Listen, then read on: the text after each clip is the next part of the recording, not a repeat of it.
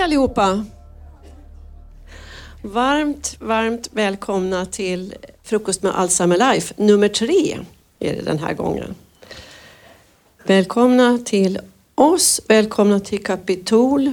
Och eh, den här frukosten gör vi i samarbete med, med det svenska biofarmabolaget eh, BioArctic.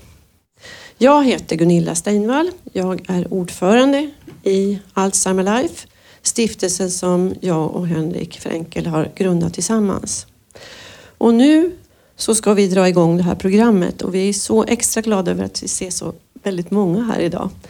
Eh, jag lämnar över ordet och golvet till Henrik och våra gäster. Ska vi ge honom en applåd?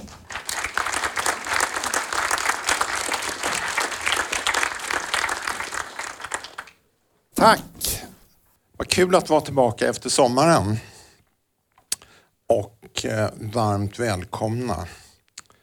Eh, många av er som eh, känner mig, eh, eh, ni undrar kanske eh, vad jag gör här. Och det känns väl som att det finns en elefant här i rummet och det är väl jag. Och då ska jag direkt säga att jag mår bra. Och sen är det nog talat om det.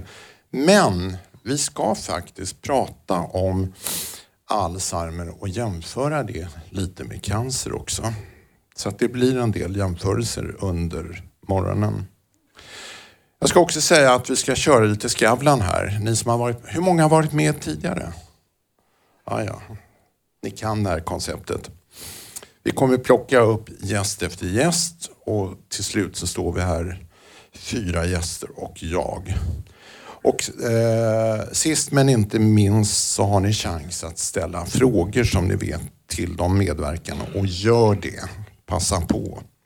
Och vi kommer att avsluta cirka klockan 11.00. Och eh, temat för samtalet ser ni här uppe.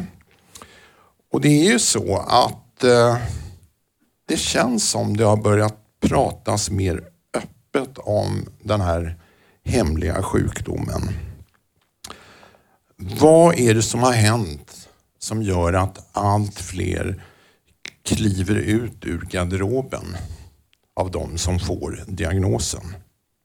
Är det tack vare media?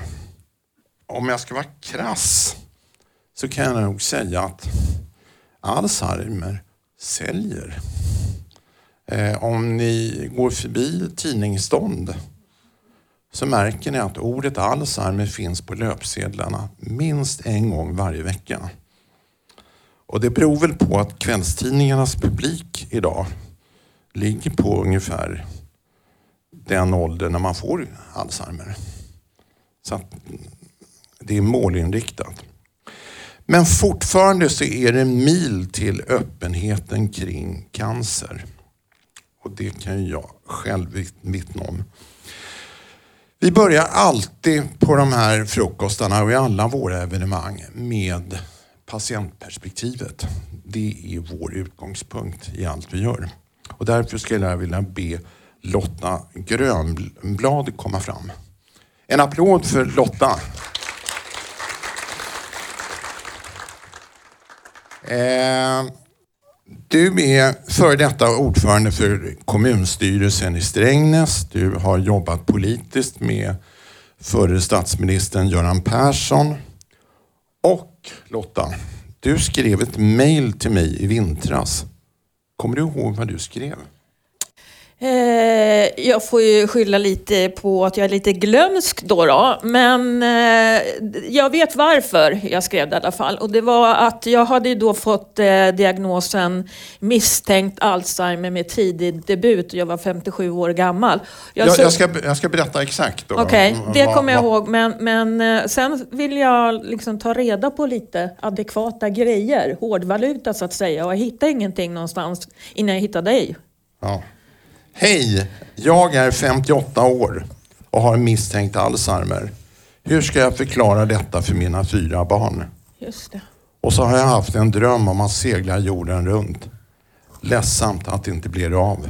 Punkt, punkt, punkt. just det. Lotta. Ja. Det var så mejlet var. Ja, det kan jag tänka mig för att jag var inne i en sorgeprocess då. Att jag insåg att jag kommer nog inte kunna segla jorden runt, i varje fall inte själv. Och, och eh, jag kommer kanske inte ens kunna segla i Östersjön eh, själv. Och som sagt var, jag har fyra barn då, hur ska jag kunna förklara det här för, för dem liksom?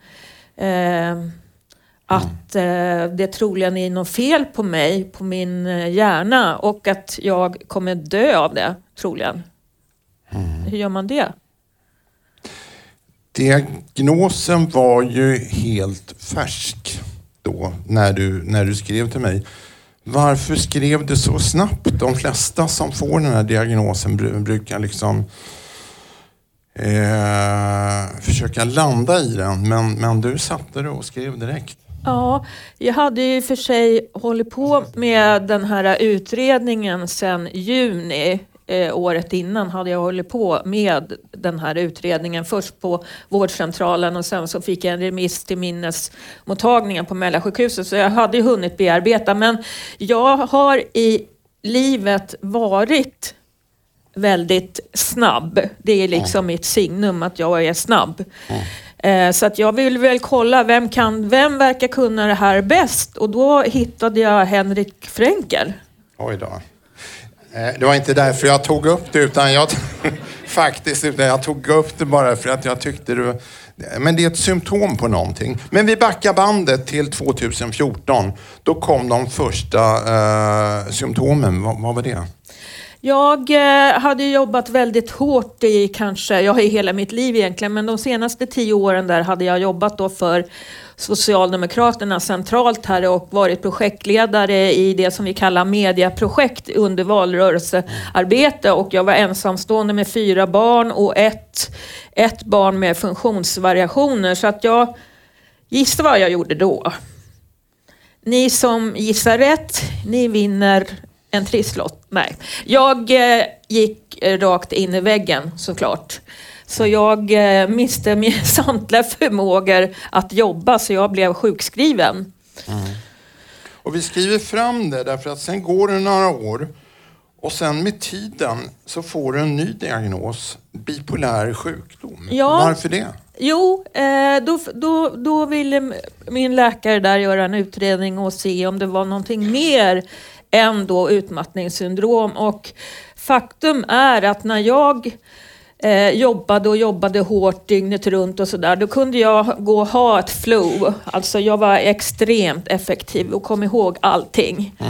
Och så då misstänkte väl hon att det här kunde ju vara en bipolär sjukdom också och då fick jag den diagnosen. Hur kändes det att få den? Eh, Ja, först så kände jag ju ungefär så här, är jag ett psykfall nu? Mm. Men sen tänkte jag, skit i det. Jag, folk, om folk frågar vad det är med mig så säger jag att jag, jag har fått en bipolär diagnos. Och sen så fick jag bra medicin, potent bra medicin i form av litium. Så att då blev ju mitt liv mycket lugnare. Mm. Därför att det är ju samma stigma kring bipolär sjukdom som kring Alzheimer. Ja, det är det. Det får man inte prata om. Och pratar man om Alzheimer då blir det ju jobbigt liksom. Därför så pratar jag om Alzheimer. Okej, just här. Ja, Men- andra ställen också. Men du, du, du fick då den, den här diagnosen bipolär sjukdom. Men det blev bara värre. Ja, det blev bara värre och jag tyckte att mitt minne liksom hakade upp sig. Jag kunde gå ifrån ett rum till ett annat hemma och så kom jag inte ihåg vad jag skulle göra i det där rummet. Och jag tappade bort mina kontokort, inte en gång utan kanske 10-15 gånger. Och jag tappade bort min telefon, jag tappade bort min bilnyckel på ICA och, och sådär. Och då tänkte jag, det här känns ju inte riktigt stabilt. Och då till slut så hamnar du på en, en utredning för eh, en, en sån här kognitiv utredning. Och det första nästan alla får göra som går på sån här utredning, det är klocktestet. Ja, men jag fick göra klocktestet och jag klarade inte klocktestet. Berätta om klocktestet. Alltså man ska rita ut en klocka och så ska man rita ut då, eh, timman... tio, äh, är, det, är timmarna. det 10, 11 eller 10 över 11? 10, ja, 10, 10 över 11. Nej, jag tror det var 10 i 11. Ja, det var därför du gjorde fel. Ja, just det, precis. Men ja, det var inte mycket rätt där när jag skulle... Jag frågade henne så här, vad då rita en klocka? Kan jag inte bara ta den här digitala? Ja. Men vad tänkte du när du gjorde fel, missade på klocktestet? Men då tänkte jag så här att det kanske är något fel med, mitt, med min hjärna på något sätt som gör att den klarar inte av att liksom hämta in information och, och kanalisera den till någonting vettigt. Och då blev du remitterad till geriatriken på. Mälarsjukhuset i Eskilstuna. Just det. Och då, Vad, hade- vad tänkte du då? då? Ja, då tänkte jag geriatriken. Liksom. Jag, då hade jag fyllt 58. Eh, när jag är 58 år. Jag hade med mig en eh, kompis som heter Ulrika dit då på mötet. Och så när vi kommer in där, då sitter det läkarsekreterare lite längre fram. Då böjer de sig ut och så tittar de på oss och så säger de, har ni verkligen gått rätt? För att, Vi såg så unga och snygga ut. okej. Men i alla fall, jag fick, jag fick komma in där och sen gjorde jag en, en sån här utförlig neuropsykiatrisk utredning och eh, med extra allt ingick ju i den och den visade ju då, då att det här minnet fungerade ju inte så bra i stort sett någonstans då. De mäter ju olika variabler för att se vad som, vilket minne det handlar om då. Så att, Men din läkare var ganska spontan. Ja, hon var ganska spontan. När jag kom tillbaka då och skulle få det där utredningsresultatet presenterat för mig så sa hon någonting är fel här i hjärnan. Väldigt fel, Lotta. Hur Jaha. kändes det, få, få den kommentaren? Nej, men jag kände väl bara att eh, hon verkar vara lite frispråkig, kanske. Du var då bara 57 år. Ja, jag fyllde i februari så att det kan hända att jag var 58 när jag fick reda på det där. Ja. Eh, och då fick du diagnosen misstänkt Ja, Alzheimer. och jag fick ingen diagnos när jag var där lustigt nog. Men sen efter ett tag så kollade jag i journalen. Ni vet, man kan gå in på 1177. Och så läste jag journalanteckningarna där och där stod det då som diagnos miss, misstänkt Alzheimer med tidig debut. Och då hamnade jag i ett, ett, ett, ett sån här stressliknande tillstånd. Jag trodde helt enkelt att jag skulle dö ganska snart. Och jag började skriva hemma eh, lappar och sådär som handlade om hur, vad jag har med ekonomin och hur jag vill ha det när jag ska dö. Jag trodde på allvar alltså. Och det där höll i sig några månader. Det var väldigt obehagligt. Mm. Eh, du, du nämnde i eh, till mig att eh, det du fasade för det var att berätta för dina barn. Ja. Hur gjorde du det? Jag eh, berättade för dem när de var hemma hos mig allihopa. Och då sa jag ju att ni vet ju att jag varit på sjukhuset och gjort olika utredningar om hur min hjärna fungerar. Och eh, nu, nu, nu misstänker de att det är Alzheimer. Och, eh, så att jag sa ju det bara rätt upp och ner och de reagerar ganska neutralt. Men sen vet jag att några av dem har ju suttit och undersökt massa grejer, googlat fram massa saker och sådär kring det här. Så att jag har lite svårt att veta hur de egentligen reagerade. Alltså de är mellan 19 och 33 så det är ju vuxna vi pratar om. Ja. Eh, du fick din diagnos, misstänkt Alzheimer. Hur, vad hände sen? Hur, hur hanterade sjukvården dig? Eh, det var ganska tyst efter jag fick den där diag eh, diagnosen, i alla fall ifrån den där geriatriken. Men jag fick på en gång då stödsamtal ifrån min eh, psykiatriker via en sjuksköterska på, på öppenvårdsmottagningen för att jag var i så dåligt skick efter jag hade fått råka läsa det där i journalen. Så jag, fick stödsamtal av henne, sjuksystern. Men vänta ett tag, då, miss, då har jag inte fattat någonting. Nähä. Du fick läsa det i journalen? Ja, jag läste, jag läste i journalen att jag hade misstänkt Alzheimer. Det hade de inte sagt. Vad, vad tänker man då? Ja, det, är ju, det, det blir ju som något fruktansvärt. För att, men jag tänkte ju att nu kommer jag ju liksom att dö. Och jag googlade lite själv och sådär. Och så tänkte jag att jag, i fem år lever man nog. Ehm, och, så det var ju väldigt jobbigt. Jag mådde extremt dåligt av det där men jag fick hjälp av, av min ordinarie mottagning där då, då, att hantera den här stressreaktionen då som blev. Mm. Eh, men sen nu i dagarna, du, jag fick ytterligare ett mejl för några, några veckor sedan från dig och då skrev du att diagnosen har ändrats. Ja, just det. Till vad? Eh, nu har jag har ju gjort alla undersökningar som man kan göra. Först gjorde jag den där sån här blodflödesmätning. Den var okej okay. och sen så fick jag vänta nio veckor för att få svaret och sen gjorde jag sån här lumbal grej och då fick jag vänta hela sommaren för att få svaret. Och då kunde de inte läsa ut något vidare speciellt därifrån. Man har sett på magnetröntgen att jag tydligen har någon väck på, på överminnes eh, grejset det, det, det har hon sett. Men på de där två kunde de inte läsa ut någonting. Så då så har hon ändrat diagnosen återigen, fick jag då läsa i journalen, till ospecificerad demens. Aha. Och då brukar säga folk så här till mig, ja men Lotta det är väl bra att du, får, att du, att du har fått ospecificerad demens. Nu, är det väl, nu kan du väl ut och segla och så kan du bli lite glad och sådär va.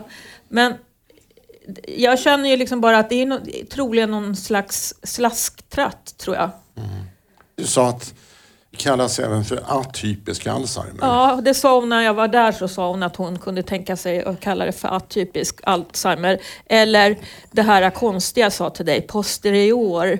Det vet väl Moa vad det heter? Posterior bla bla bla bla bla bla. Visuell Alzheimer, tror jag. Ja. ja.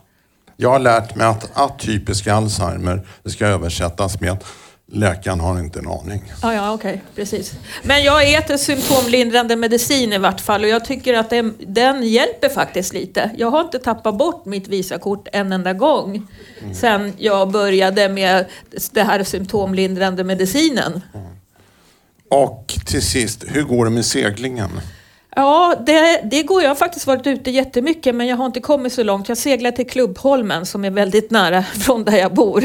Mm. Eh, så att jag har inte tagit mig utanför Mälaren per egen maskin i år. Men jag tänker att det är roligt också. Mm. Hur, till sist, eh, hur känns det? Hur mår du? Ja, alltså jag har ju... Jag kan ju säga att jag har mått bättre men jag försöker liksom ta en dag i sänder och försöka göra något bra av den dagen. Mm. Och också träffa mycket människor och göra roliga saker och sådär. Men sen måste jag vila mycket. Så att, ja, jag är väl eh, eh, relativt positiv ändå, mm. tycker jag. Och eh, det är otroligt bra att du är med här. Otroligt bra att du gick ut eh, i min blogg och, och, och berättar om din historia. Det, det, det, visar bara på att, att det börjar hända saker. Tack Lotta och du får vänta lite längre fram. Eh, gå några steg ditåt ja. Precis. En, en applåd för, för Lotta. Eh, alla känner vi ju Malou von Sivers. I 16 år ledde Malou sin egen talkshow, Malou efter 10 i TV4. Ofta tog hon upp Alzheimer och andra kognitiva sjukdomar i sina program. Och det var hos Malou många av de drabbade trädde fram och berättade om sin sjukdom. Ensamma eller ihop med en anhörig. Och jag skulle vilja säga att jag var där själv faktiskt. En, jag kommer inte ihåg om det var två eller en eller två gånger. Välkommen Malou.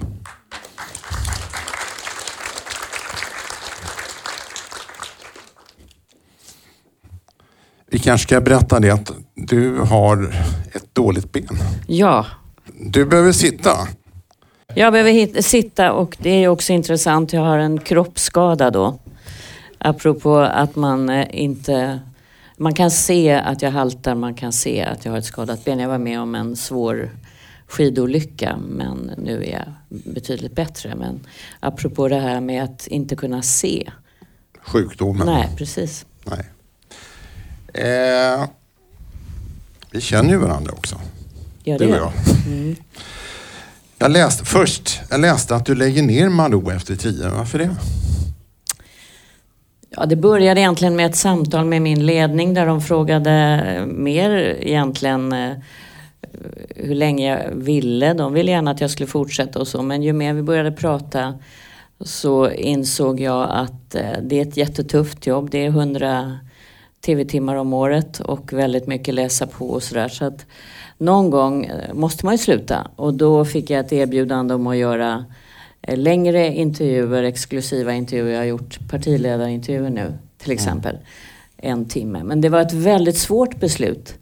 Och inte minst därför att jag har varit så intresserad av eh, medicin och vetenskap och forskning och har försökt att eh, både använda några av landets främsta inom området men framförallt lyfta fram, precis som du sa, de som är drabbade också så att man får liksom den här berättelsen som man sällan får i media eller har fått kanske. Vad tänker du när du hör Lottas berättelse? Jag är oerhört stark, jag blev väldigt berörd och eh, på många plan. Alltså dels eh, att vara så pass ung i de här sammanhangen och drabba, drabbas och vad säger man till barnen? Allt det här kan man ju i alla fall i sin fantasi försöka leva sig in i. Och att inte få det här beskedet.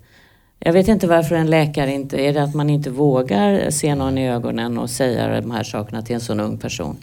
Så att hon måste gå ut själv och läsa i sin journal. Äh, Men jag blev dra- väldigt drabbad och väldigt glad att höra att det finns mediciner som gör att du mår, inte tappar dina kreditkort. tycker jag är bra. Där är du förlåt. Jag tittar ditåt, för du satt Ja. ju... Jag vänder ryggen åt dig, jag ska flytta Ja, stolen lite. sätta, sätta den ne- Nej, neutralt men jag blev mitten. jätteberörd av din historia, Vi ska, vi ska fråga läkaren Moa Wibom sen om, om det där också. Ja. Eh, vad är det som berör just med Alzheimer, eh, tycker du? Du har ju haft många i ditt program. Ja, men jag tror att när man eh, märker eh, eller förlorar sina mentala förmågor, det är ju någonting med det som alla tror jag är rädda för. Eh, att man blir kanske en annan person än den man har varit eller är.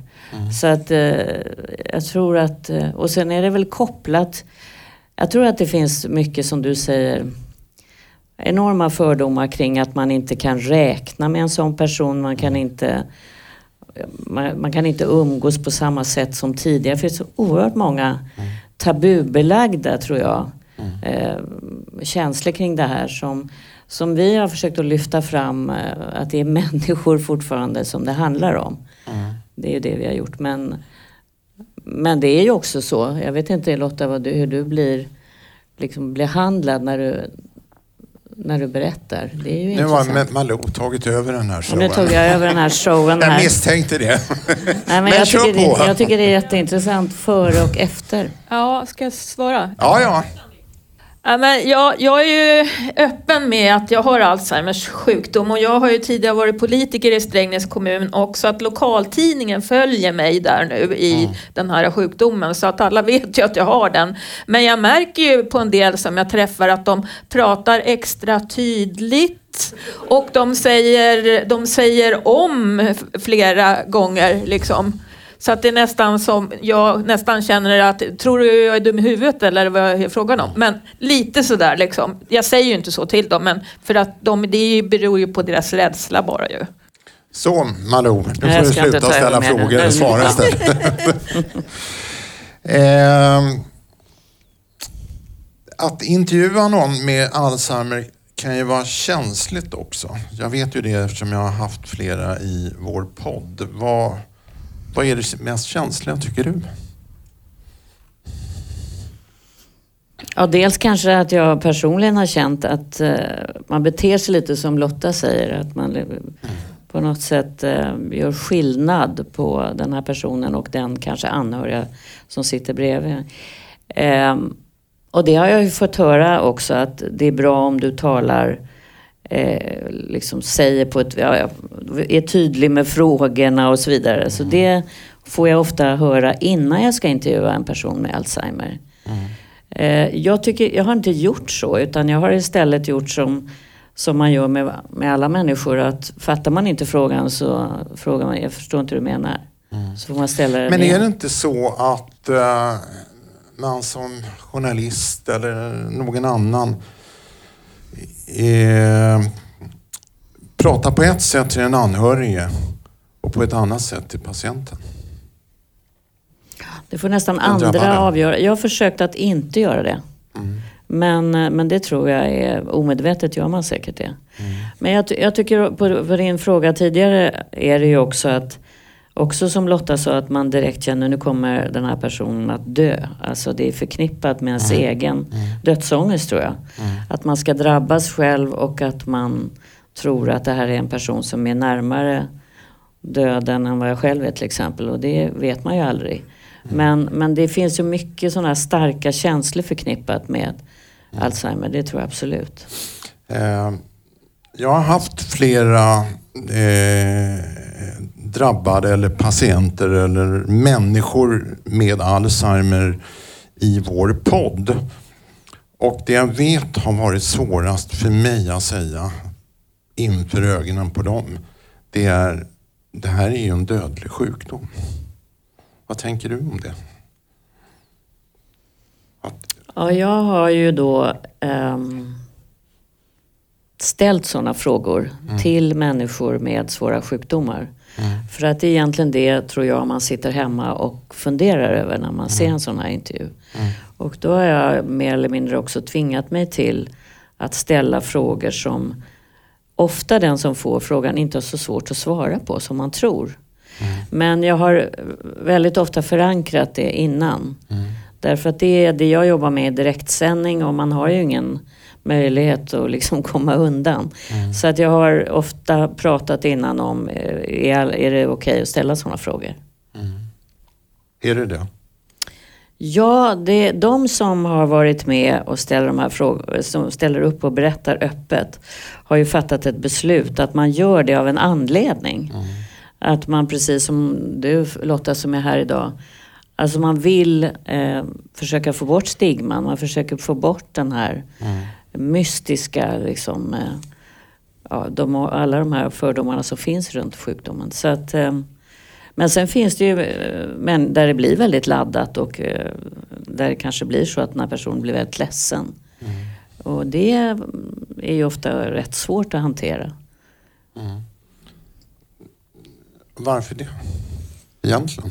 Ja, Ehm, Det är väl helt okej att ja man det blir är absolut ledsen? helt okej.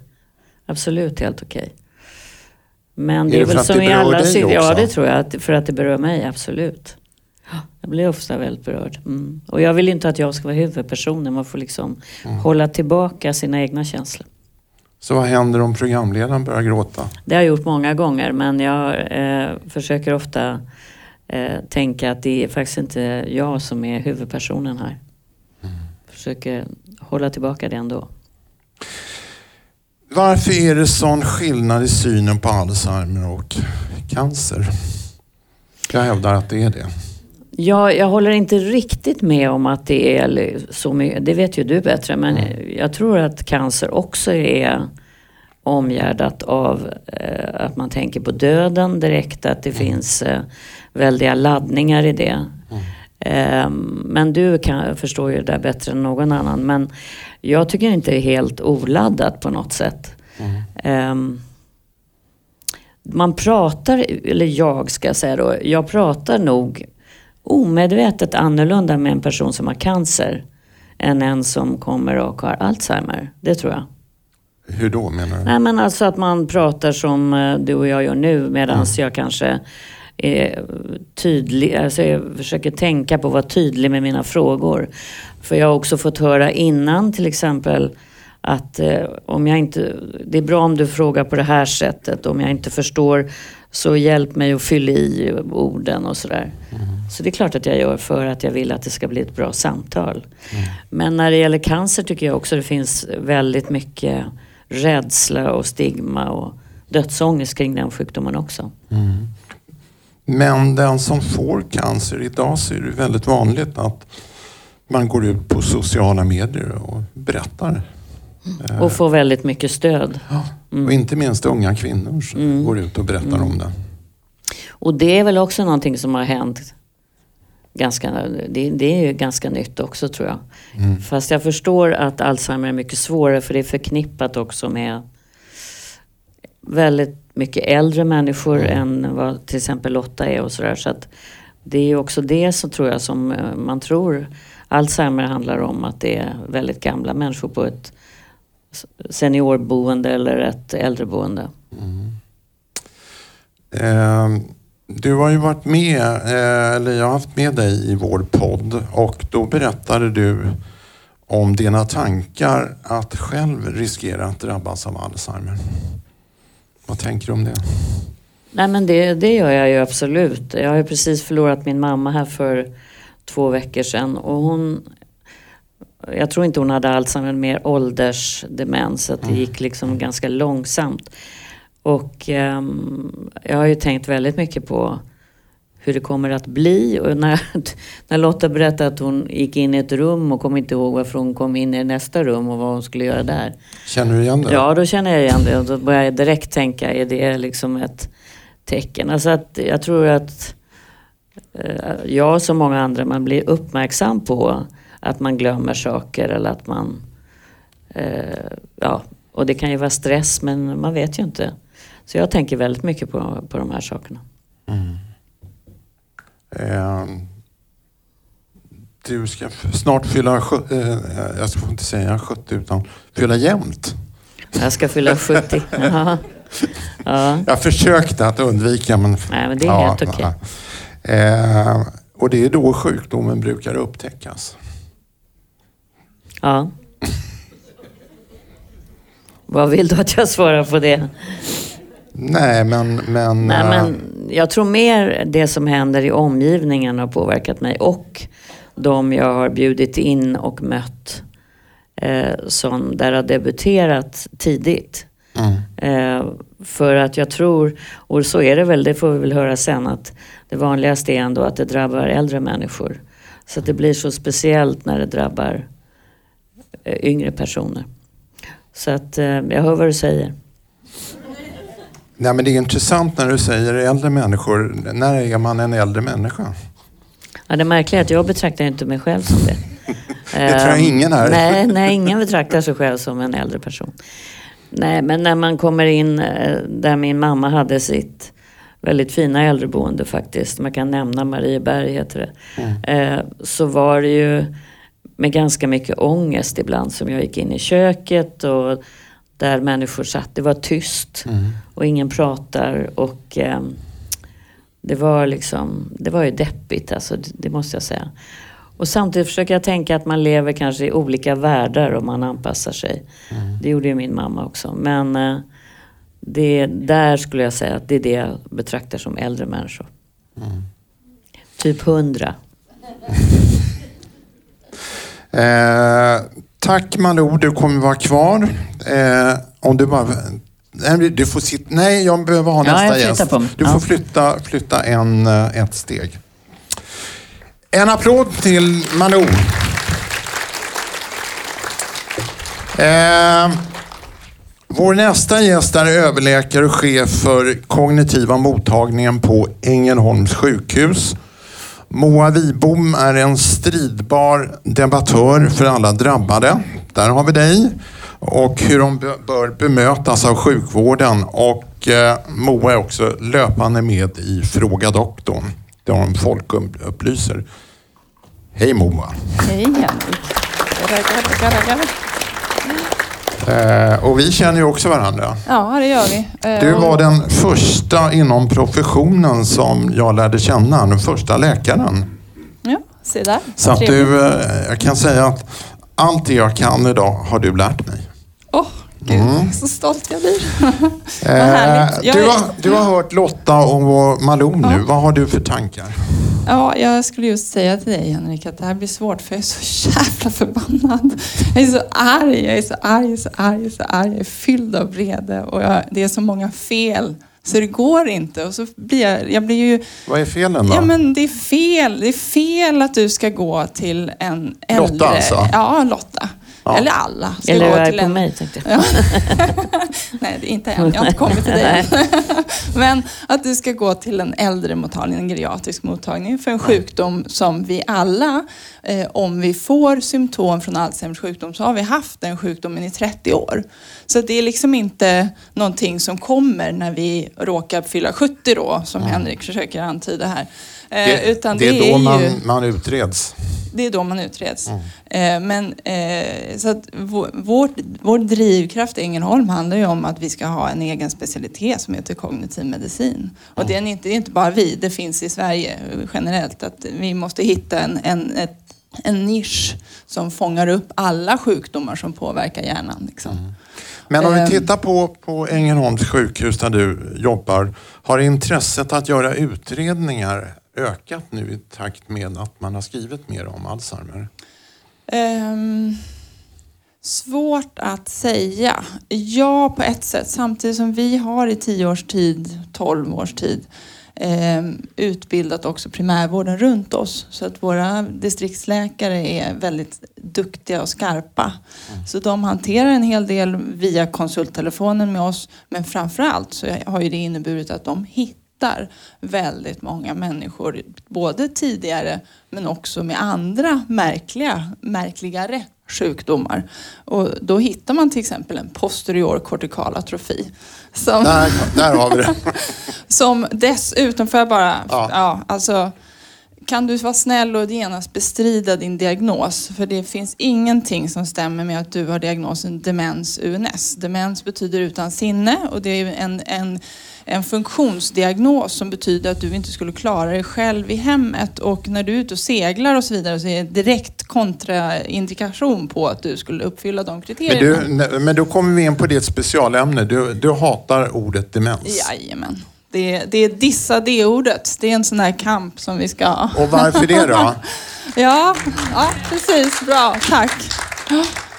Eller hur? Ja, nej, varför det? Jo, det, det, dels, det, finns, det är historik, det är rädsla, ångest och det är okunskap. Det, allt det finns med i ordet demens. Mm det är, har funnits en tid då det, det var vettigt att klumpa ihop allt och prata om att man är så dålig som man just inte klarar sig i hemmet.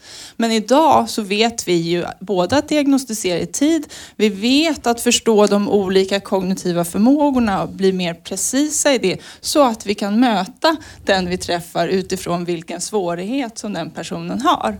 Plus att jag själv som, som kognitivt sviktande kan veta vad det är för, fel, för svårigheter jag har.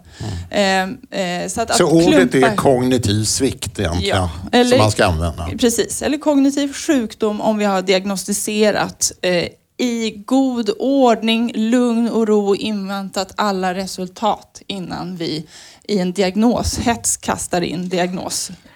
Det, är- det är, där är liksom också den här totala missen. Och det här att, att läsa det i journalen. Ja, det är ju så...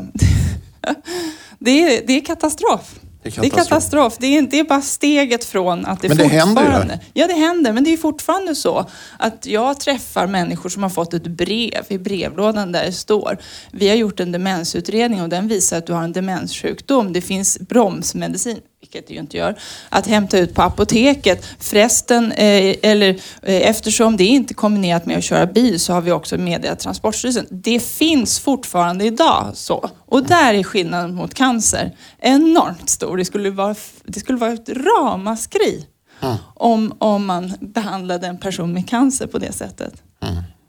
Men det händer. Du, du nämnde att eh, vårdcentralerna fångar upp eh, många människor och sen skickas de till en kognitiv mottagning som din. Eh, kan du direkt ana när du möter en patient första gången att det är en kognitiv sjukdom? Har, har du den liksom känslan? Det beror alldeles på var jag kommer in, eller snarare när patienten kommer. I vilket, för, var någonstans i förloppet jag möter den människan. Eh, om vi pratar då om senare skeden, ja då kanske till och med vår, vår, med, våra medicinska sekreterare är bäst på att diagnostisera. För då handlar det om att plocka fram sitt körkort och visa kortet och blippa eller det här, all, och alla de praktiska momenten. Då kan till och med de avgöra det om det är så pass långt gånget. Men i de där tidiga faserna, det går ju inte att avgöra för mig. Men med lite ledtrådar och en beskrivning av historien och sådär så kan jag en, absolut, jag får, kan få känslan. Och det handlar om klinisk blick och det handlar om erfarenhet och då kommer vi in på kompetens och då kommer vi in på hur mycket vi skulle behöva ut, utbilda och utveckla många fler läkare till att också få upp den känslan. Så att det inte blir som det blir för dig. Men om vi kör en liten repetition och det är ju då eh, de eh, kognitiva sjukdomarna och du har utvecklat eh, den i Sverige välkända Vibomska handen. Ja, vad roligt Kör att den. du säger det. Är ni beredda då? Får se, ni har fått lite kaffe och ni har fått en macka så jag ser ju att jag har er uppmärksamhet. Kan jag få med ett helt gäng högerhänder upp nu i luften också? Ja men visst, titta där ja. Här har vi en tumme som visar att vi är alerta, vi hänger med, vi är intresserade, vi, vi förstår vad som händer. Sen tar vi upp ett pekfinger. Det behöver vi för att planera och utföra. Exekutiv förmåga, ta beslut, eller hur? Får se nu, högra händerna är inne. Anledningen till att ni måste göra det här med mig, det är för att ni har mycket bättre chans att komma ihåg och lära in när man gör en aktivitet samtidigt, eller hur? Och så kommer vi till det här, ingen glömmer minnet. Eller hur?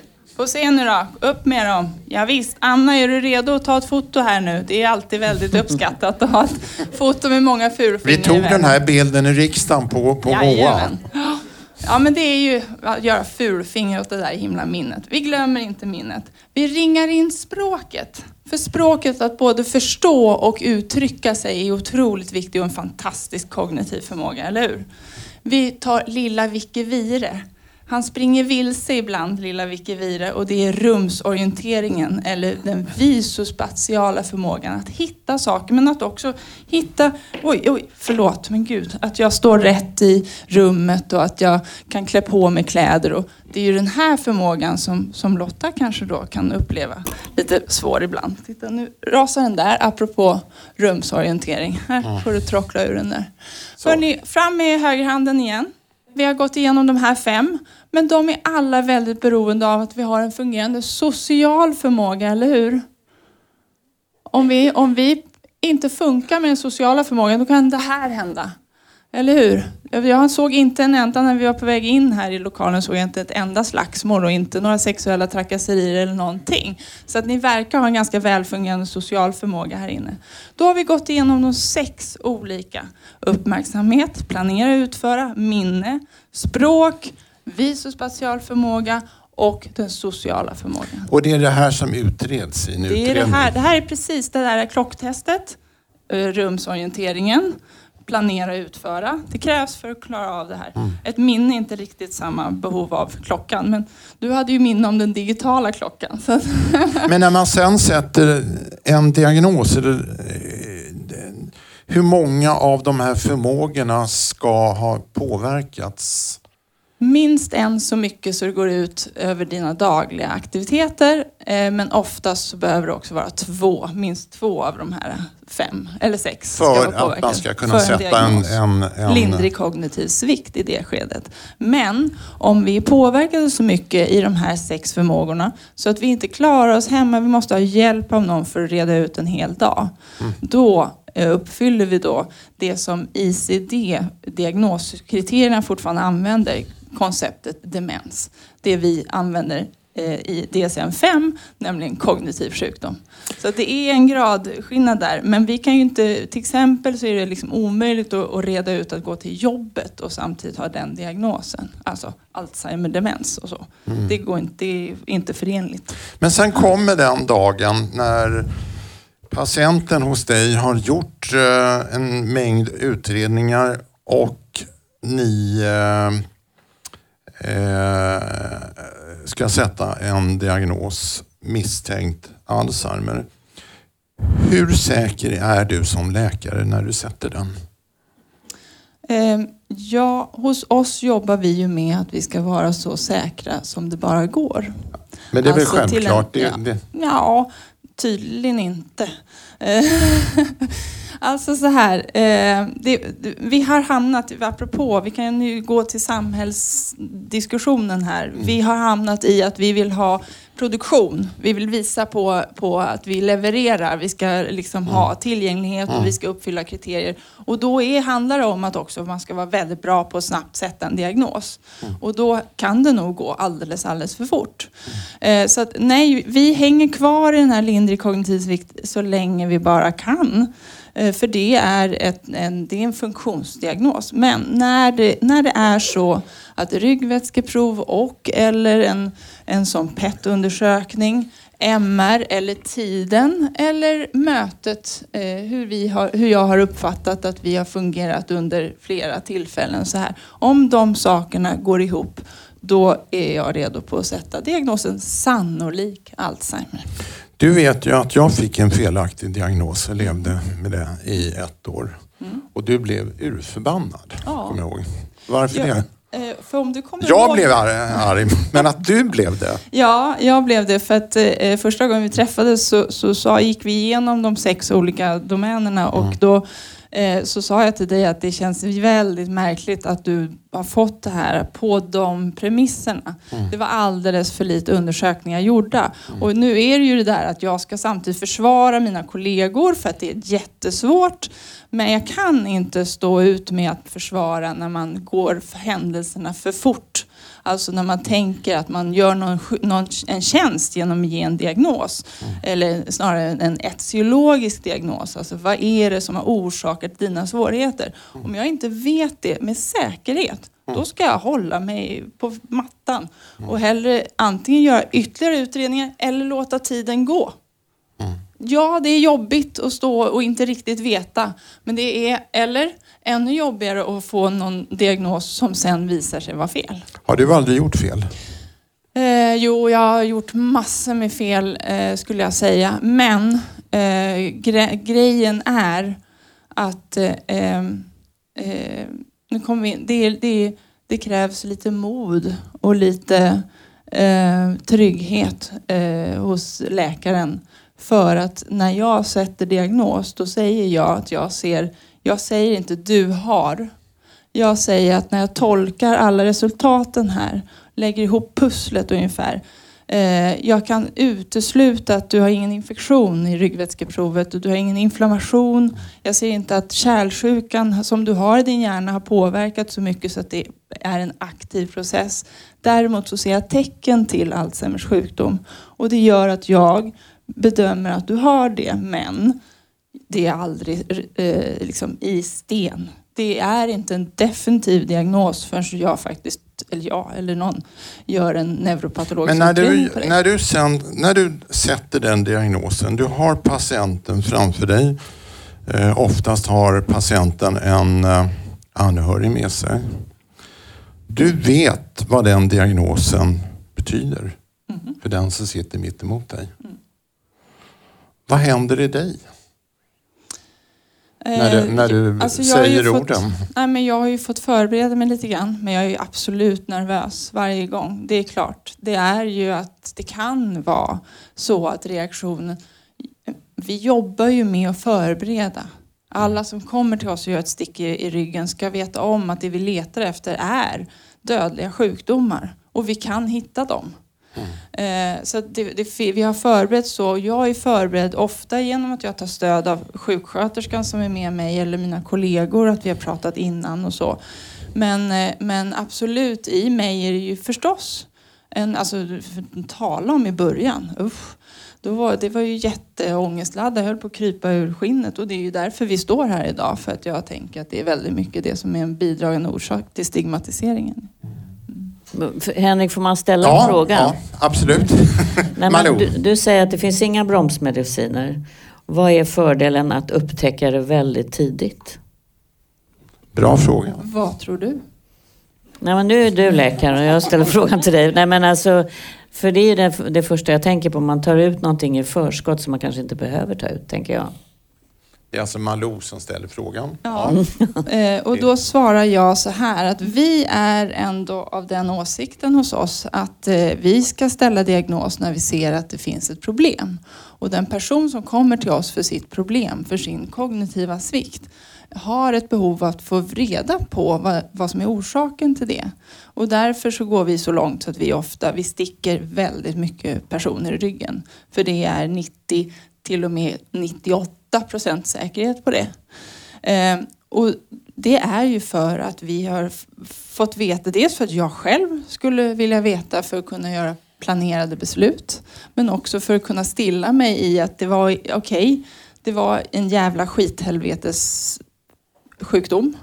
Men det var inte en tumör som gör att jag dör om eh, två månader. Och det var inte det där och det var inte botbar. Det var liksom att liksom lindras från oron av andra saker kan också hjälpa.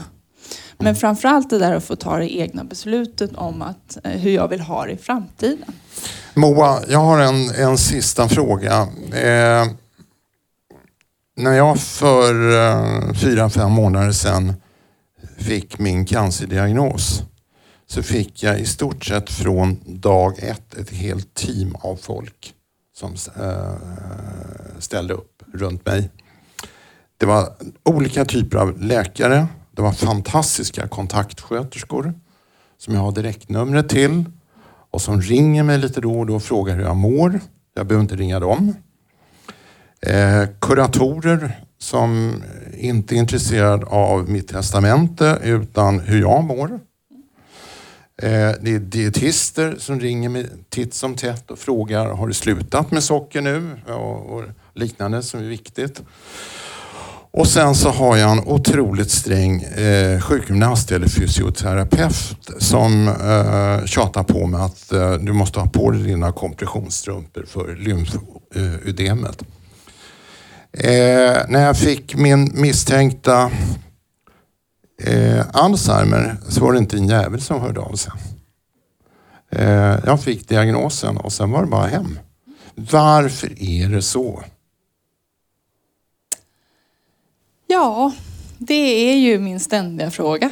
Alltså det är, eh, eh det är historiken. Vi har inte kommit så långt. Vi, ja, det är ju också en, en, en del jag har haft i mina föreläsningar att eh, vi har haft kräft och svulstsjukdomarna i evigheters evigheter och 1910 så blev det övergång till cancersjukdomar och här står vi nu i fasen att gå och lämna demens och komma in i kognitiva Men sjukdomar. så svårt kan Så. det inte vara att upptäcka. Det är liksom bara att gå över till en canceravdelning och sen copy-pasta vad de gör. Absolut, och det är ju det vi har gjort i en motion som lades upp i riksdagen i våras. Det var, då bara tog vi cancer eh, så och så, så bytte, strök vi över cancer och skrev kognitiva sjukdomar istället. Nej, men det är absolut så här. Det är, ju där, det är där min frustration finns jättemycket. Jag vill också ge det till de jag möter. Jag, första gången jag ställde en diagnos väntade jag på så här, var är SWAT-teamet som ska komma och rädda, inte mig, men liksom hela Patienten. patienten och, och anhöriga. Och det fanns ju som du säger ingenting. Eh, och det är väldigt, vi behöver inte vänta tills vi får bromsande läkemedel. Det tycker jag också är en, en provokation mot var och en av oss. Att vi ska invänta någonting. Vi har redan idag Hela det gänget som du får ta del av står ju inte där för att det finns bromsande mediciner och så vidare. De står ju där för att man ser att det är en människa som har behov För att av de hjälpa här. mig. Exakt. För och att det kan vi det. göra redan idag. Ja. Så att, eh, jag tror att det är en kombination av att vi är 20 000 människor per år. Eh, det är en okunskap som är helt grotesk.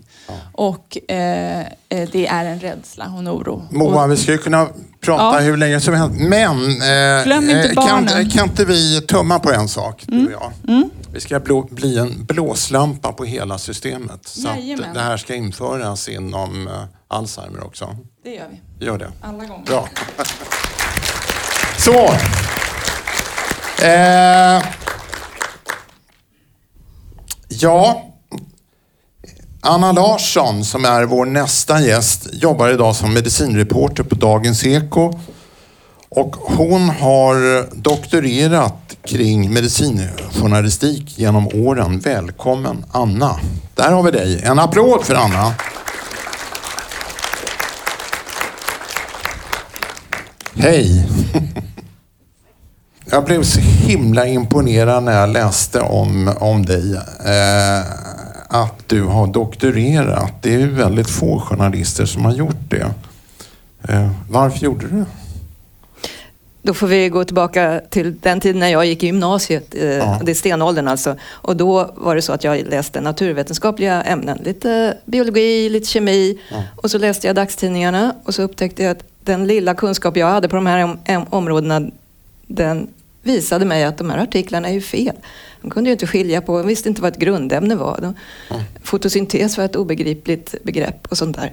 Eh, Jag tyckte det var lite konstigt. Eh, Det var inte bara därför jag ville bli journalist men eh, det låg lite grann i det här att jag tycker att människor har rätt till korrekt kunskap. För att själva kunna bli fria, oberoende och fatta sina egna beslut. Och det är också det som det handlar om när det gäller patienter idag. Men måste man doktorera för det? Det... Kan man inte bara bli lite bättre? Jo, jag, jag har försökt bli bättre.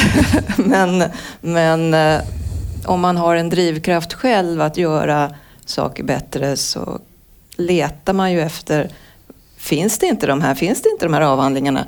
Finns det ingen som har forskat på medicinjournalistik och varför den är som den är och sådär?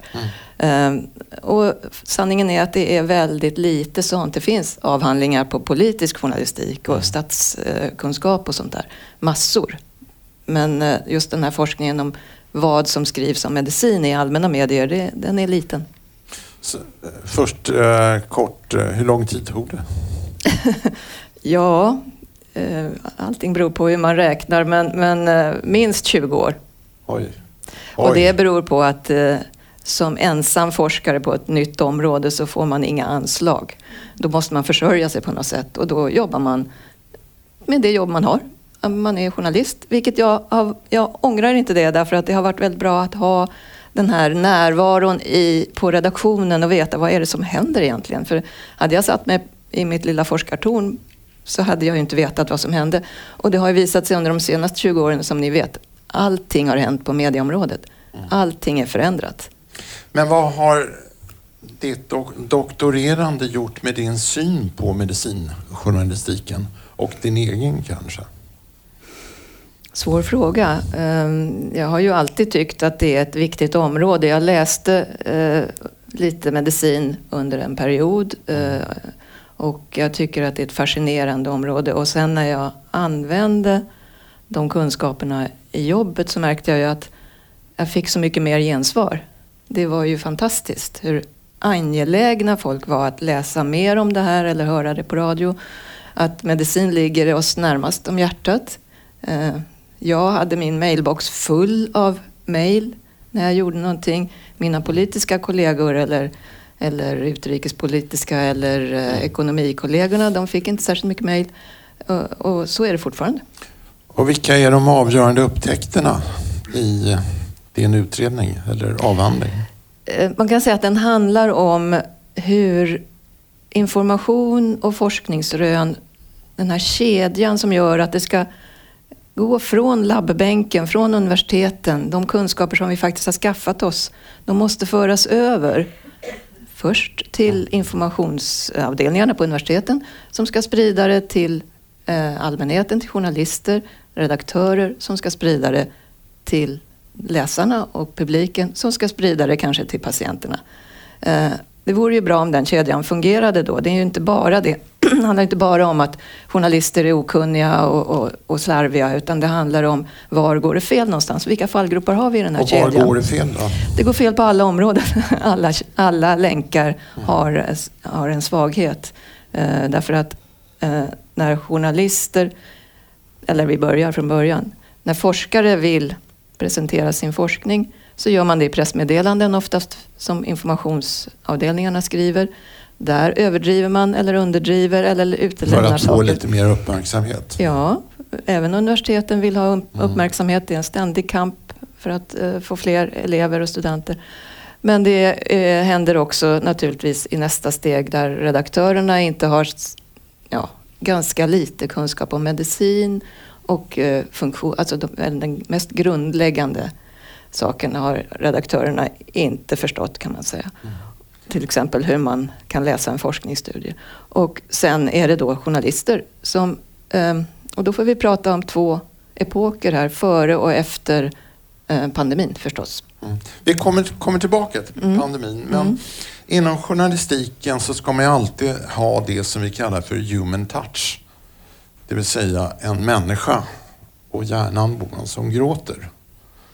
Eh, om jag ska vara krass, vad tänker du om det? Jag tänker att det naturligtvis är bra att kunna identifiera sig. Identifikation är ju ett, en viktig nyckel till att, att man blir intresserad. Mm. Det här är någon som kanske pratar om min situation. Jag sitter i samma båt som den här personen. Eller jag känner någon. Eller jag vill veta mer. Eh, och då är det den här mänskliga bilden, den berättelsen som Malou pratar om. Det, det är liksom det som, som får igång oss och får oss engagerade. Men eh, det har blivit ganska mycket av det ibland. Både i tv och radio och eh, i tidningarna naturligtvis. Men jag tror också att mycket det är viktigt. Mycket eller för mycket? Beror på. Beror på lite. Den, den måste kompletteras mm. förstås. Är det så att allmänheten inte är intresserad av rena faktaartiklar utan en patient eller en anhörig? Måste man alltid liksom ta fram någonting för att människor ska bli intresserade av kunskapen? Det handlar nog om vilken allmänhet du pratar om, men, men eh, jag tror att i den här informationsfloden som vi lever i, när vi bombarderas fullständigt med information om allting och som vi kanske inte alltid behöver just då, mm. så är det, då måste vi ju liksom välja. Och då väljer vi eh, kanske en enklare väg än att börja läsa en, en tabell över så här många Alzheimer får vi, eh, fall får vi per år eller så här mycket kostar cancersjukdomarna eller någonting sånt där. Det är kanske inte det vi väljer, prioriterar att läsa om vi har lite tid på oss. Malou, du skakade mm. lite på huvudet. men jag sitter ju och hoppar här. Ja, okay. Nej, nej, nej, nej, men... men, nej, men alltså, vad jag, vad jag, jag tycker det är jättebra, verkligen, att du har gjort det här. Därför att det första som jag upptäcker med min redaktion var ju att, och, och alla journalister nästan på redaktioner är att man inte kan läsa en studie. Och det, det blir ju då i händerna, alltså det är ju jätteviktigt att man lär sig det som journalist. Därför vad som händer är att forskaren kan ju vara mer eller mindre bra eller om det är en kommunikationsavdelning att göra en bra rubrik. Och då kan det vara ett oerhört litet eh, underlag eller man har inte liksom kunskap om hur, hur tillförlitlig är den här studien? Och där tycker jag, eh, vi, det är väldigt svårt. Eh, men vi har ju använt oss av hela tiden att ha väldigt duktiga experter som vi har låtit gå igenom studien. Det har varit ett ganska tufft jobb att titta internationellt Då kan man, vilken tilltro har man till den här. Så det är det ena. Det andra som, som att man alltid ska få folk att gråta. Eh, mm. Du är ju cynis, cynisk när du säger sådär men jag, jag tycker att du är väl ett exempel på att stigman tar man bort genom att låta människor berätta om hur det är att leva med mm. en sjukdom till exempel, tycker jag.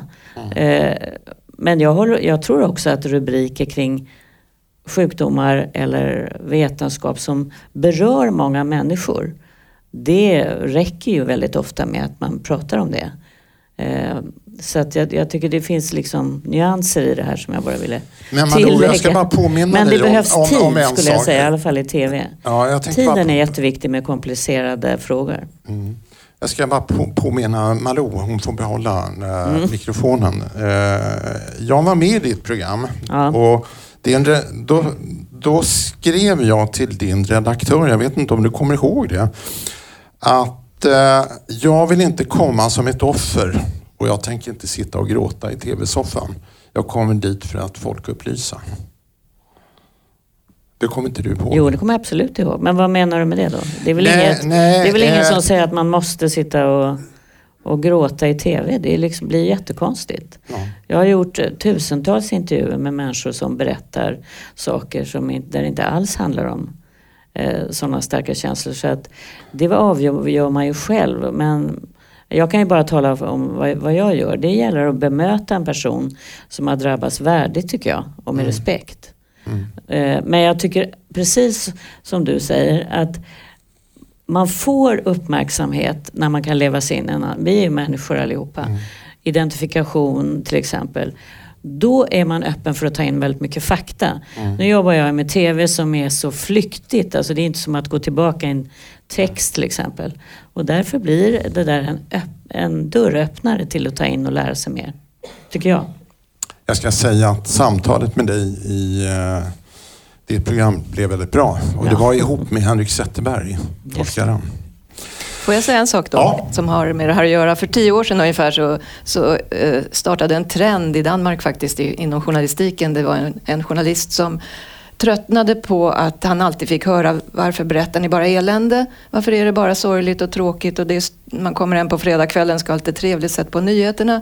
Ja, vad får man höra? Ja, det är storm, det är mord, det är krig, det är liksom bränder, det är allt elände som finns och då stänger man av. Förstås. Mm. Um, han uh, hävdade, och han skrev också en bok om konstruktiv journalistik. Vad är det? Jo, man kan man ska inte undvika naturligtvis att berätta om att det har hänt någonting eller saker och ting förhåller sig på fel sätt. Utan man måste ju berätta, visst det gör det, men här har vi kanske ett bra exempel på att någon har försökt lösa det. Eh, tänk på Moa till exempel. Mm. Eh, det finns vägar ut ur det här eh, och det kan vi och det kan publiken liksom få veta. Och det kanske handlar om det när, när vi ska skildra svåra sjukdomar sjukdomar som inte har någon botemedel. Ehm, det måste ändå finnas, till exempel då när det gäller just Alzheimer, ett demensvänligt samhälle. Ett samhälle som kan acceptera det här. Att ja, vi har alla vår kognitiva svikt då och då. Vi glömmer nycklar och vi liksom tappar saker och vi glömmer när vi går in i nästa rum vad, vi, vad det var vi skulle göra. Så att eh, allting är en glidande skala naturligtvis. Men om vi underlättar för människor som har lite mer kognitiv svikt än vi så, så är det väl jättebra och en, en, ett humanitärt samhälle faktiskt. Du nämnde då pandemin. Vad har medicinjournalister, journalister och vi i allmänhet lärt oss? Vad, är, är det ett paradigmskifte?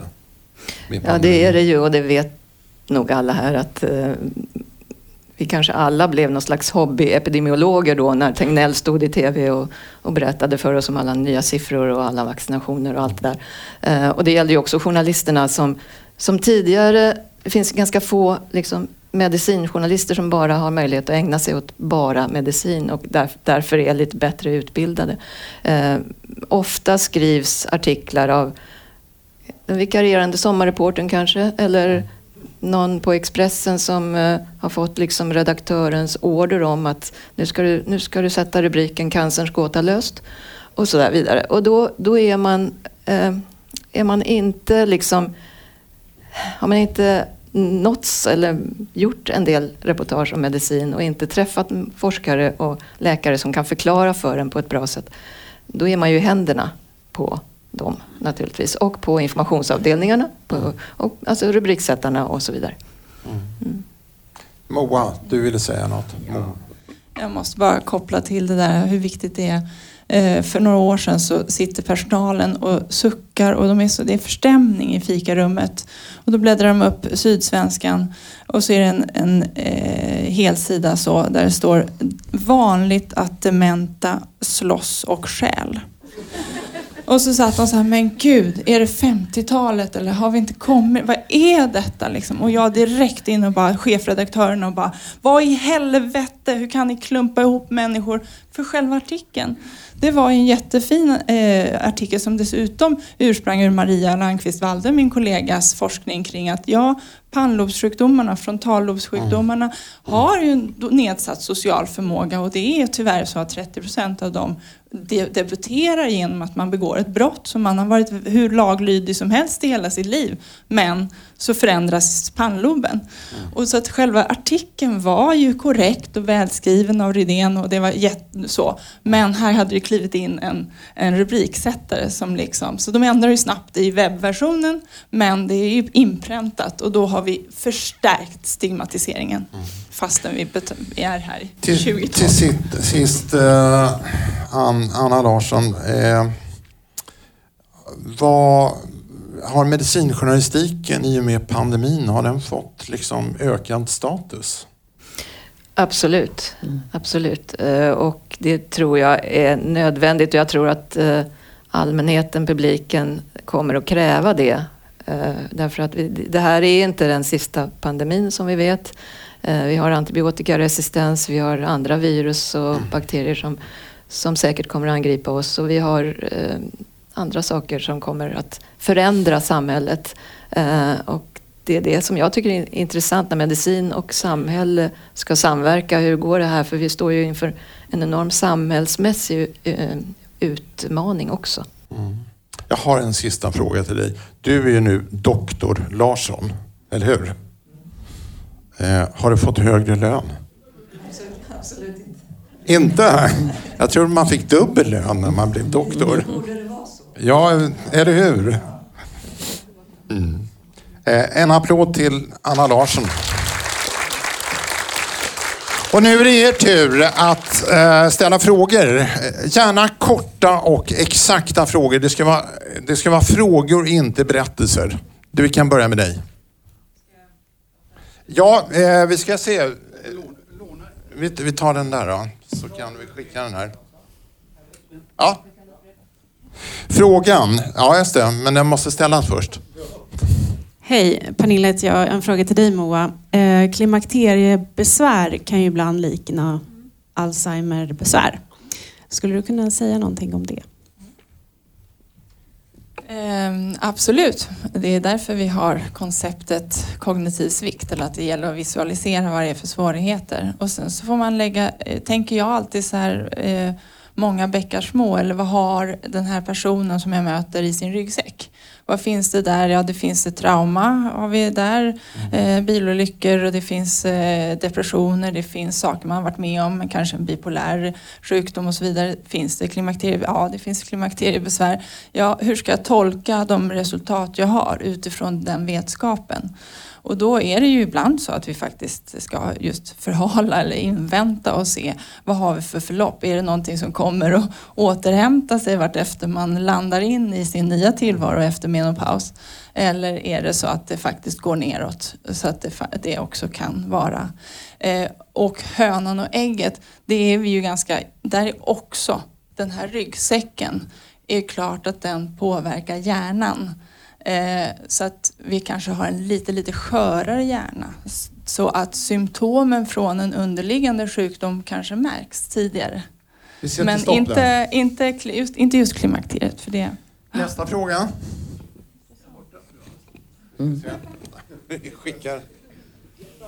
Eh, kort fråga och relativt kort svar. Hallå, hej. Minna, Silvias syster, tillsammans med kollegorna Lotta och Anna, eh, träffade er sist på riksdagen. Och Moa, till dig. Vi får ju tack och lov vara med på de här minnesmottagningarna emellanåt när det blir en diagnos. Och vi vet alla tre mycket väl att det är käpprätt åt helvete emellanåt när man sitter där med en läkare som inte har någon aning. Och så får man inte säga någonting för att vi är ju inte läkare. Vad är frågan? Frågan är, vad kan vi, hur kan vi gå vidare om magkänslan säger att det här är inte en blandemens utan det här är någon som har en bipolär sjukdom för att vi har också levnadsberättelsen. Okej, Moa. Ett kort svar. Säg ifrån alla gånger. Ni, det är ju här som är teamarbete. Det är ju det som är grejen. Och, och, och skickar ni era läkare till oss så ska vi drilla upp dem i att faktiskt eh, ta in de människor de möter och aldrig sätta diagnos utan att man är överens i teamet. Var det kort nog? Ja, Ja, absolut. Fler frågor? Där har vi en. Ta den. Ja. Hej Pia. Gärna, gärna en fråga som inte är till Moa den här gången. Ja, men det är den. Eh, till Moa. Eh, det här med bromsmedicin bara snabbt. Eh, ni säger att det inte finns någon bromsmedicin, men eh, ja, från 95 där och sen början där, då kallade man det för bromsmedicin. Eh, vad är det för medicin som min mamma fick då? Eh, och ni säger att man medicinerar. Ja, då är det så här att eh, apropå journalistik och så vidare så säljer bromsmedicin väldigt, väldigt, väldigt mycket bättre än symptomlindrande. Så att de läkemedel vi har idag är vi otroligt glada över att vi har för att de påverkar de kognitiva förmågorna. De hjälper till att öka ämnet acetylkolin så att eh, nervcellerna kan prata bättre med varandra. Och det andra som heter memantin städar lite mellan hjärncellerna så att det blir bättre kommunikation. Så att vi stärker symptomlindring i det som man har fått. Det har visat i studier bara senaste året att jo, visst kan det bromsa lite, lite grann. Men det är framförallt livskvalitetshöjande. Och de bromsande som påverkar, de är ju kicking på dörren alltså. Och jag har faktiskt haft en patient som jag har behandlat kliniskt med bromsande läkemedel från USA. Men eh, tills man drog undan det. Men så att vi står ju i startblocken och det är också en stigmatisering som jag undrar varför gjorde inte alla mina kollegor i hela Sverige det så fort det gick. Men eh, nej, Men det är en annan det historia. är en annan historia. Det tar vi en annan gång. Nästa fråga. Kan man förebygga, får jag bara fråga det? Med motion till exempel, som det står ibland att man kan eh, förebygga genom att röra sig mycket. Då, då kommer vi tillbaka till det där med att läsa studier igen och så.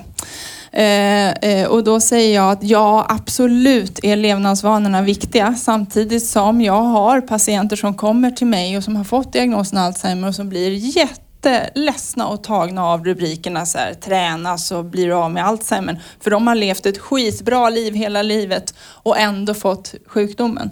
Så mitt svar är så här, se till att leva ett bra liv och var gärna aktiva, var här och prata och så vidare och ät klokt och träna.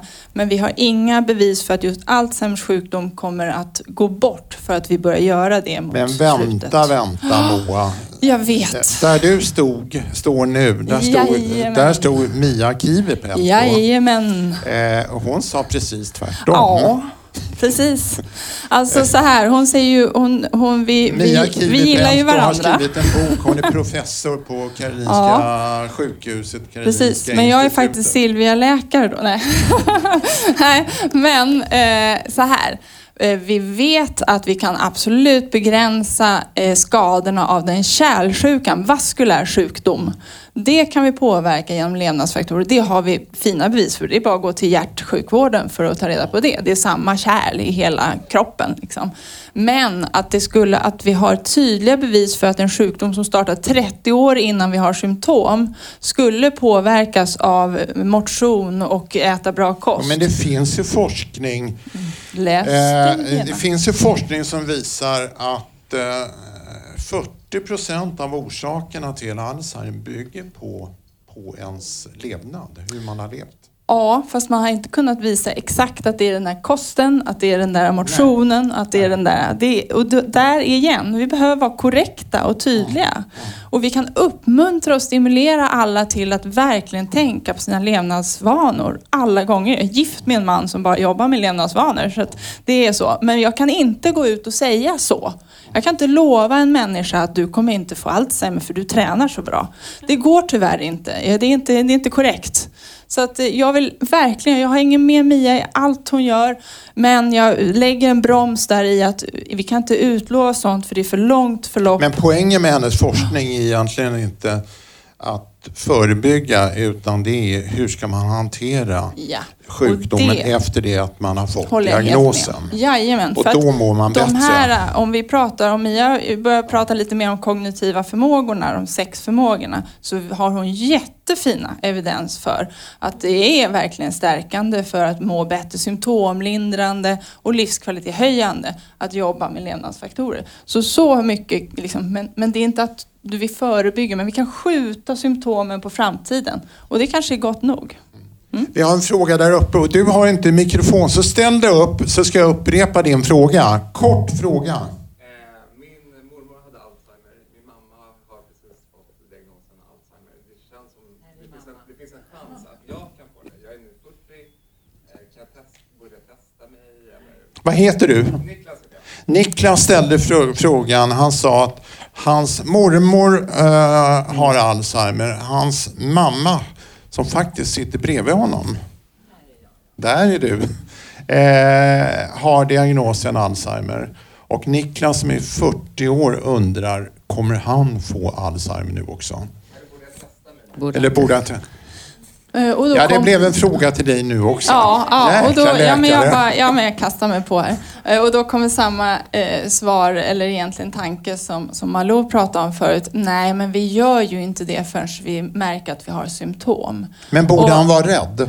Eh, det tycker inte jag utifrån... Men det eh, finns ju en släkt... Ja, eh, det- absolut. absolut. Det, det, Eh, och det beror då, då har vi den här lite lösa så att det beror vilken ålder man befinner sig i när vi har ställt diagnos. Alltså när symptomen blir så tydliga så vi har kunnat ställa en diagnos om Alzheimer. Är det före sådär runt 40, 50, 60 års ålder då kan man ha den mutationen som har gjort att man fått Alzheimer redan i fosterstadiet. Men då ska man ha det väldigt tydligt tidig ålder i flera led, alltså flera släktled. Och det är bara 2% av alla i Sverige med Alzheimers sjukdom som har den. Men man ska inte förringa och så man får gärna föra den diskussionen med sin, sin mottagning när man är diagnostiserad. ja. Eh, nu är det mamma, Niklas mamma, som, som ställer frågan. Det- Vi spelar nämligen in i en podd, så att jag måste översätta här. Ja. Vad heter du? Jag heter Ingrid Larsén Ja. och jag undrar, jag har eh, en cancer i botten sedan 20 år tillbaka och eh, som fortfarande finns någonstans. Eh, och jag fick då nyligen min dom. Alzheimer. Ja. Och... Eh, Men Jättebra fråga. Eh, Niklas mamma Ingrid heter du. Eh, ställer frågan. Hon fick cancer för 20 år sedan och eh, då är frågan eh, kan cancer eh, orsaka Alzheimer eller utlösa Alzheimer? Att det blir sämre på något Ja, sätt. ja. Ja, alltså ehm, då igen tar vi fram den här ryggsäcken. I din ryggsäck så finns cancer med också. Och de olika behandlingar du har fått för det. Och då finns det också om du har fått eh, eh, cellgifter eller strålning eller liknande. Så vet vi att det är ju celldödande. Så att det finns till och med konceptet chemobrain. Vilket alltså betyder att de läkemedel, de behandlingar du har fått kan ha påverkat dina, dina sex kognitiva förmågor. Och därmed gjort din hjärna lite skörare. Vilket betyder att den här underliggande sjukdomen Alzheimer kan debutera, märks lite tidigare till följd av det du har varit med om innan. Vi har en sista fråga och den... Var svar nog. Superkort. Ola heter jag. Eh, Anna, eh, hur ser forskningsläget ut inom Alzheimer idag? Forskningsläget. Jag tror att det egentligen är en, for- en fråga till Moa. Va? Men du är ju doktor. Eh, Moa, har ju inte, Moa har ju inte doktorerat. Hon är ju bara läkare. Inte än. Nej, jag tror inte det kommer bli heller. Jag har för mycket annat att göra. Sig. 20 Ja. år har jag inte på mig. Men eh, eh, det är ju lysande, vilken rolig fråga att du säger det. För det är ju så att, det är där jag menar historiken. Men På 1900-talet producerades artiklar kring, eller studier kring Al- Alzheimer Kort sa- svar sa vi. motsvarande ett, en, liksom en månad idag. Hela 1900-talet. Så att idag levereras det kanske, ja, det är vi uppe i halv miljon, över miljonen artiklar per år bara kring Alzheimer och de övriga kognitiva sjukdomarna. Så att det är, men det är fortfarande lika svårt och det är enormt eh, ojämlikt i tillsättning av medel för att göra forskningen. Så att absolut, tryck på Hjärnfonden, tryck på Alzheimerfonden, tryck på Alzheimer Life. Det är där pengarna ska gå. Titta i tidningen när ni ser dödsannonserna. Det är jättefå, apropå stigmatisering. Det är alltid Läkare utan gränser eller Cancerfonden. De behöver, förlåt, nu är jag jättetaskig, men de behöver inte mer pengar. Men det här området behöver pengar för att vi ska komma någon vart. Cancer får tio gånger mer pengar till forskning än Alzheimer. Och kostar betydligt mindre. Alzheimer kostar mer än vad hjärt-kärlsjukdomar. Stroke och cancer kostar samhället ihop. Sista frågan till Malou ska jag ställa. Eh, skapar äntligen, eh, Alzheimer skapar äntligen rubriker i media. Eh, Har stigmat försvunnit? Eller håller det på att försvinna? Nej, men det har blivit mycket bättre. Mycket öppnare och mycket bättre skulle jag säga. Jag, nu är, med risk för att du tycker att jag tar över, men jag Nej, har nej, faktiskt en fråga till och det är det här inte, om man nu får uttrycka sig så vanvördigt, lika sexigt att forska inom som andra områden? Jag tänker på dina kollegor. Hur får man fler unga forskare att göra det här? Absolut, det är ju urmossigt och skittråkigt egentligen. Eh, har varit, men nu är det ju alltså pengar och eh, eh, heta nya, nyheter det levererar. Så absolut forskningen. Får jag bara också säga att jag vill att Ingrid och jag vill att Lotta och jag vill att alla ni andra går in på Alzheimerguiden och berättar om era erfarenheter kring att vara patient. För det är också ett sätt att göra det mer, mer eh, och hjälpa andra. Så att Alzheimerguiden.se är Henrik och jag och Maria som jobbar tillsammans med. Toppen! Eh, det har varit otroligt spännande och eh, jag tänkte ge er eh, som har medverkat en bok eh, som jag hoppas att ni läser. Den är fantastiskt rolig och väldigt rörande. Den heter En bastu i Umbrien. Hur många har läst den? Eh, och eh, det är Thomas Bakokoli eh, som har skrivit den och då kan jag redan nu avslöja att han blir en av våra gäster eh, när vi kommer tillbaka den 8 november. Och då får ni varsin bok och har ni den redan då ge den till någon ni tycker om. Så. Jag tycker vi ger dem en stor applåd. Och jag ska också säga att vi gör de här frukostarna eh, i samverkan med biofarmabolaget BioArctic. Och eh, tack för att ni kom. Hej då! Bloggen och podcasten Alzheimer Life har också en insamling till förmån för kognitiva sjukdomar. Ni kan hitta den på vår hemsida alzheimerlife.se och den görs i samarbete med Alzheimerfonden. Podden och bloggen produceras av stiftelsen Alzheimer Life och görs på Beppo. Beppo.